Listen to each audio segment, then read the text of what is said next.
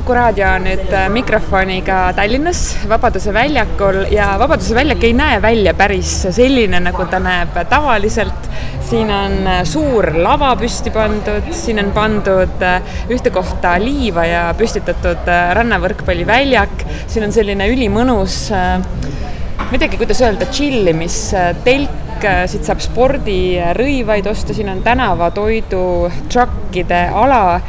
mis on teoksil sellise võrkpallipeo kommunikatsioonijuht Toomas Vara, kuhu me oleme sattunud? tere, no me oleme sattunud võrkpalli EM-i ametlikule fännialale mis siis äh, linnavalitsuse lahkel loal sai siia keset linna Vabaduse väljakule püsti pandud ja ja noh, nagu sa enam-vähem kõik asjad ette lugesid, me oleme ikka suurelt ette võtnud, et et meil on suur kontsertlava, kus, kus tuleb üheksa päeva jooksul peale viisteist artisti, nende hulgas ka artistid Lätist, Prantsusmaalt, Horvaatiast, Slovakkiast, nii et meil on rahvusvaheline muusikafestival. Meil on siin, nagu sa juba nägid, meil on siin selline väga uhke spordibaar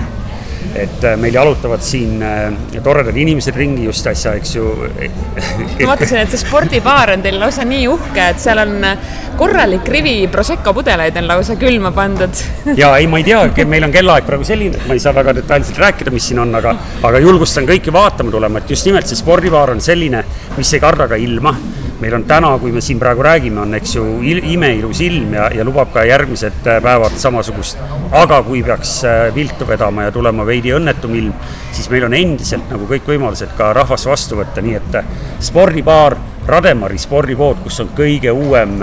võrkpallifänni kraam müügil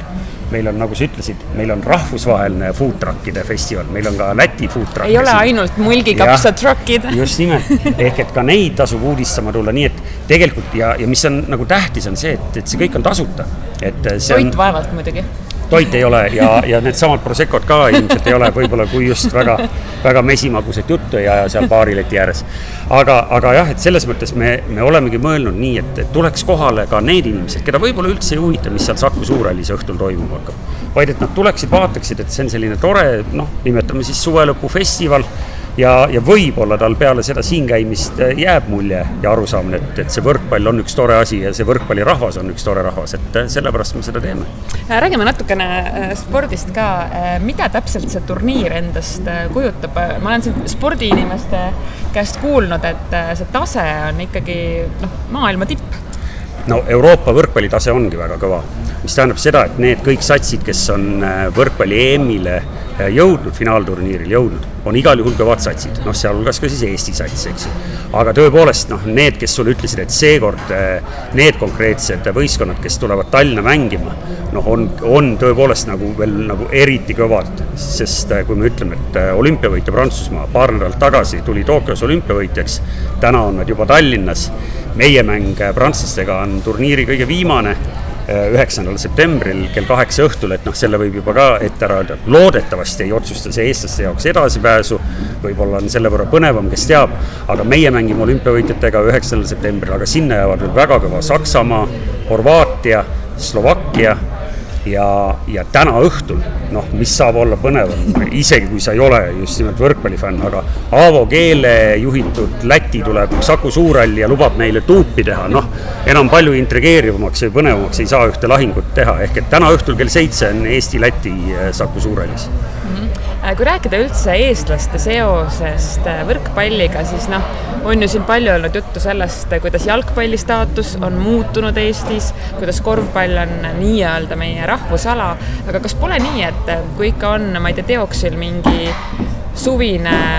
ma ei tea, siis kas jaanipäev või muidu rannas istumine, siis tegelikult mõnes mõttes võrkpall on ju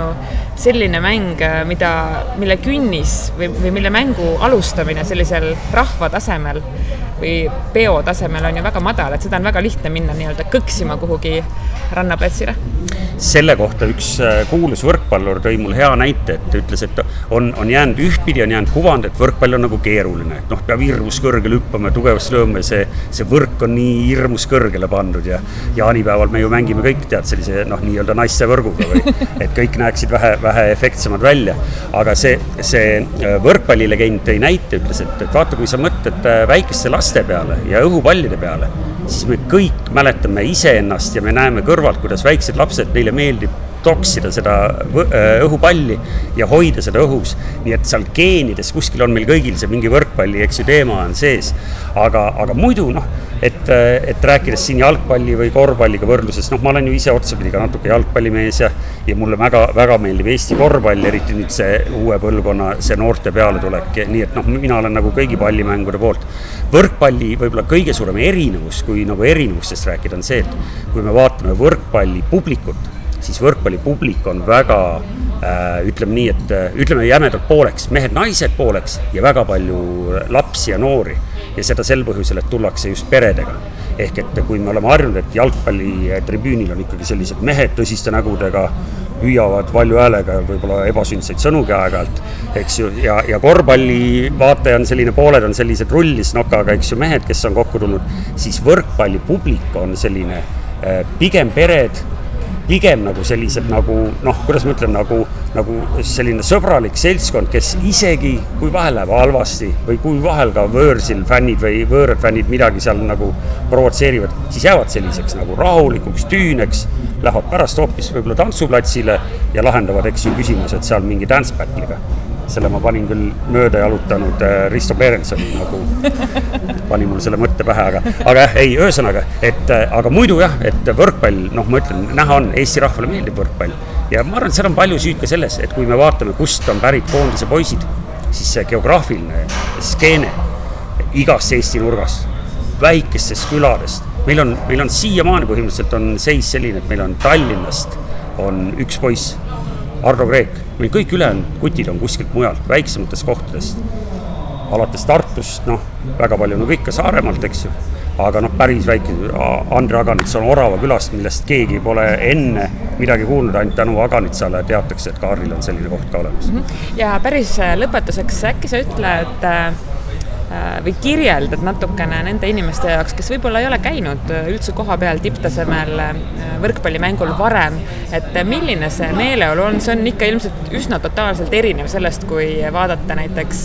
netiülekannet või, või vaadata kusagilt Aktuaalsest kaamerast mingit väikest kokkuvõtet? jaa, ei, igal juhul see, see on iga pallimänguga nii, et kohapeal oleks see energia, mis saalis tekib. Eriti kui vastas on Läti. Jah, just nimelt. Ja, ja kui veel vastas fännid, fänne on ka vähemalt mingi kriitiline mass koos, eks ju. aga seal on selline asi ka, et noh, igal juhul tribüüni peal tekib äh, selline äh, emotsioon, energia, see, see nagunii aga seal, aga seal peab nagu, nagu ka sellega arvest- või noh, arvestama. võrkpalli puhul on hea see, et seal kogu aeg juhtub iga punkt, noh, iga minuti sees mängitakse mitu punkti, kus on võimalus kas hõisata. et null-null ei lõpe ükski võrkpallimäng. just nimelt, jah, et noh, ma tean paljusid, kes ei ole nõus minuga koos jalgpalli vaatama, siis nad ütlevad, et noh, kui seal väravaid ei lööda, siis seal ei ole midagi vaadata. noh, ilmselgelt inimesed mõistavad erinevalt, eks ju, jalgpalli loogikat ka, aga mitte jalgpallist me ei räägi. võrkpalli, tõepoolest, sul on põhjust poolteist tundi, kaks tundi seal nagu põhimõtteliselt nagu hõisata ja, ja see, ja see on nagu emotsionaalselt selline nagu hästi tore, sest kui me vaatame kasvõi seda, et nagu, nagu äh, kuidas mängijad väljakul käituvad, noh, me oleme kõik näinud, mõnele tundub see selline pehmutamisena, aga see peale igat punkti tead selline noh, miniküla kui grupikalli jah, vot see kõik on kokku nii sümpaatne, see kõlab nagu sellise natuke sellise pehmona, aga tegelikult see on nagu hästi-hästi tore ja see saalis, see kõik võimendub. Ja meil on ju täna nii, et noh, eriti täna, kus meil on avamäng, meil on enne avamängu, meil on seal videoshow'd, mingid 3D mappingud, asjad, mida noh, loomulikult näeb ka teleekraanil, aga see saalis kindlasti jätab nagu kordades võimsama mulje suur aitäh, Toomas Varanit, me rääkisime võrkpallipeost, mis Tallinnas täna algab ja kestab lausa üheksanda septembrini, nii et äh, valige, kas ostate läbi Vabaduse väljakult või Saku Suurhallist või veel parem vist mõlemast, aitäh! aitäh!